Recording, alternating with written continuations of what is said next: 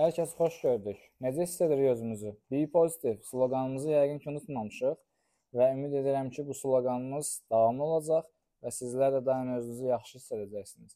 Bugünkü mövzumuz sizlərlə olacaq sosial media hesablarımızı, yəni sosial şəbəkələrdə izləyicilərimizi necə artıra bilərik? Yəni bu çoxu bu sualı demək olar ki, çox insanlar verir. Həmçinin mənim izləyicilərim bu sualı verir. Ona görə istəyirəm ki, bu mövzu haqqında ətraflı məlumat verim ki, sizlər də öz şəxsi brendinizi yaradıb sosial şəbəkələrdə izləyiciniz, izləyicilərinizi artırasınız. Burada əsas məsələ odur ki, biz hədəfimizi seçməliyik. Yəni biz hansı sahə üzrə paylaşımlar edəcəyik. Yəni hansı sahəyə marağımız varsa, oradan birinci başlamalıyıq. Və əlbəttə ki, burada kontentlər tapmalıyıq, planlama etməliyik və artıq müəyyən bir zaman keçməlidir. Yəni bunu kimsə sizə söz verə bilməz ki, 1 ay ərzində, 6 ay ərzində, 1 il ərzində sizin səhifədə izləyicilərin sayı artacaq. Amma mən burada onu qeyd etmək istəyirəm ki, həmçinin təlimlərimdə də bunu qeyd edirəm ki, siz səhifənizdə postları paylaşarkən, karusel postlar paylaşarkən çalışın izləyicilərə, rəylərə və bəyənmələrə fikir verməyəsiniz.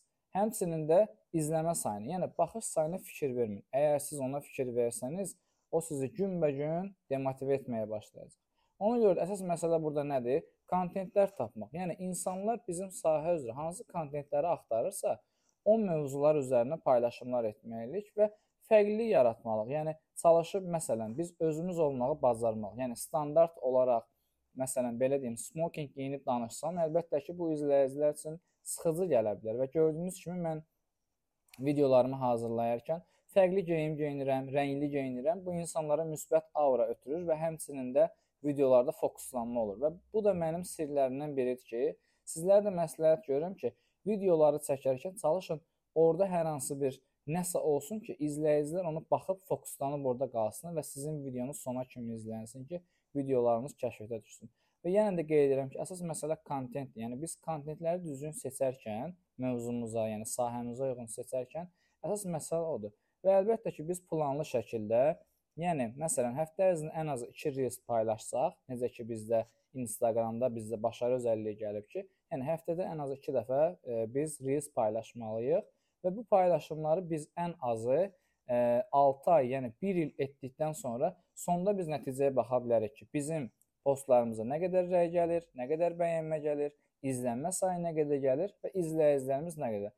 Amma yox, bir ay ərzində mən paylaşımlar edim və nəticə gözləyim bu əlbəttə ki, qəbul edilməzdir. Yəni biz hər zaman çalışırıq ki, insanlara düzgün məlumatları çatdıraq. Çünki bizim markamız, yəni brendimiz belədir ki, şəxsiyyət olaraq biz insanlara düzgün məlumatları e, ötürməliyik və əlbəttə ki, e, gözəl insan Orxan Şahbazla da biz hər zaman danışırıq mövzuları ki, insanlar tez məşhur olmaz, tez tanınmaq istəyirlər, amma bu düzgün deyil. Buna illər lazımdır, zəhmət lazımdır. Yəni buna bir zaman lazım. Yəni siz Gözləməyin ki, 1 ay və yaxud 6 ay ərzində, 1 il ərzində sizin izləyiciləriniz maksimum səviyyəyə qalxacaq və geri dönüşlər müsbət olacaq.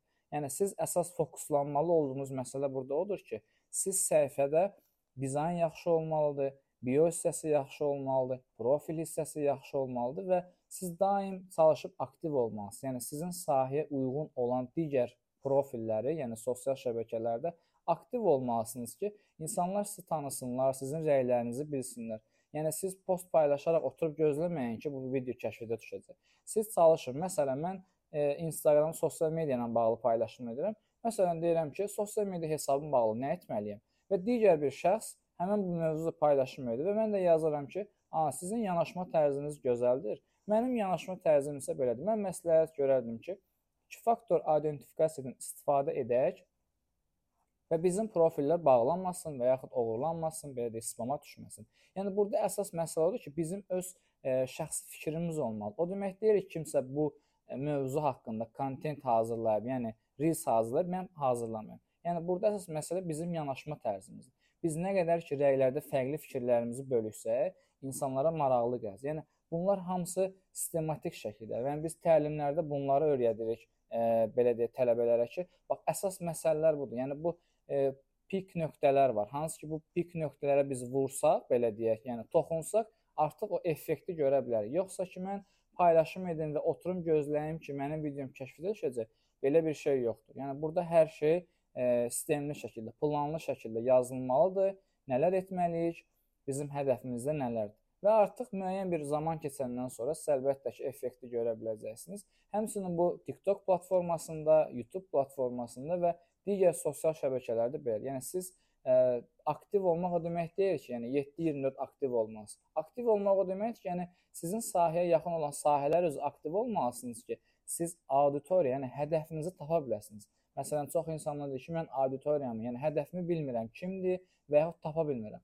Auditoriya hədəfimizi biz necə ayarlayırıq, necə tapırıq? Yəni məsələn, mən sosial media məsləhətçiyəmsə, mənim sahəmə yaxın olan profilləri izləyirəm və orada artıq öz rəylərimi bildirərək insanlarda o ə, e, düşünmə qabiliyyətini inkişaf etdirirəm və insanlar düşünərək qərar verirlər ki, mən burada hansı profili seçim? Hansı profil daha dərindən araşdırmalar edərək belə deyək, bu nəticəyə gəlib çıxır. Və mənə gələn suallardan da biri budur ki, necə olur ki, yəni belə rahatçılıqla kontent tapa bilirsiniz, lazımi nöqtələrə, belə deyək, pik nöqtələrə vura bilirsiniz və insanlar sizin videoları izləyirlər. Yəni burada əsas məsələ odur ki, e, araşdırmaq lazım. Yəni hər hansısa bir sahəni seçirsinizsə, fitness müəllimi ola bilər, dietologiya ola bilər, ingilis dili müəllimi ola bilər. Yəni sahənin fərqi yox. Əsas məsələ sizin araşdırmalarınız. Yəni siz çoxlu araşdırmalısınız.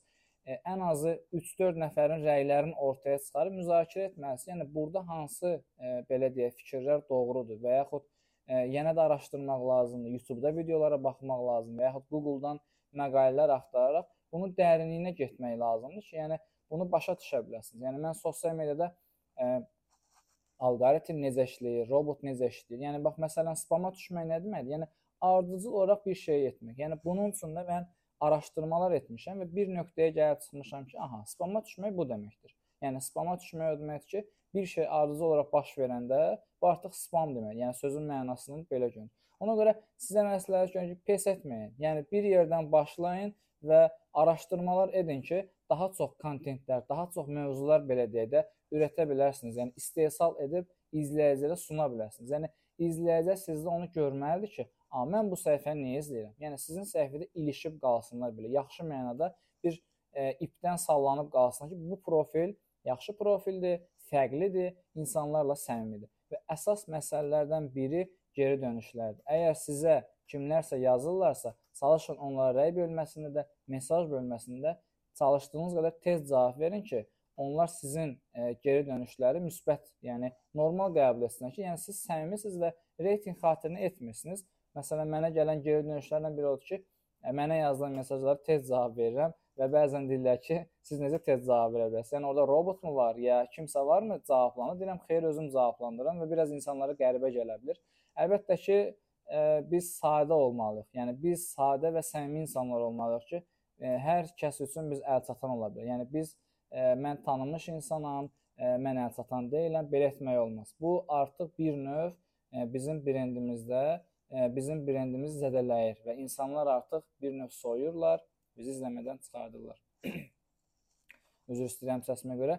Yəni əsas məsələ burada, yəni qeyd edirəm, səmimiyyətdir. Çalışın insanlarla, izləyicilərinizlə ə, e, rəylərdə səmimi olun. Onlara müsbət geri dönüşlər edin. Mesajlarda onların e, suallarını cavablandırmağa çalışın. Yəni o səmimiyyəti qoruyun. Amma çalışın bunu reytinq xatirinə etməyin ki, insanlar desinlər ki, bu şəxsə yazanda bu şəxs cavab verir. Müəyyən bir müddət keçəndən sonra siz deyə bilərsiniz ki, mən bezdim artıq. Mən artıq və yaxud tanınmış şəxsəm mən cavab verməyəcəm. Çalışın belə şeylər etməyin və öz brendinizi yaratmaq istəyirsinizsə, hər hansı suallar yaranarkən çalışın mütəxəssislərə müraciət edin ki, onlar sizə lazım məsələlərdə belə deyək, e, o hansılar ki, e, pik nöqtələr var, o toxunmalı nöqtələr, onları sizə kömək etsinlər. Necə ki, bizlər də marketinqdə və yaxud digər sahələr üzrə mütəxəssislərlə danışırıq, görüşürük problemlərə həll yolu tapırıq. Yəni bu normaldır. Hər insan öz sahəsi üzrə mütəxəssis ola bilər və e, burada 2 nəfər olacaq. Orxan Şahbaz və mən.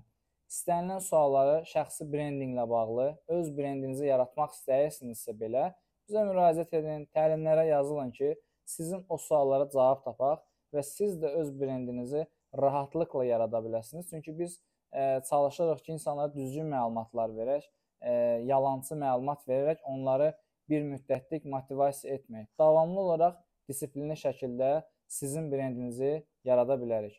Özünüzü qoruyun. Növbəti podkastda görüşərik.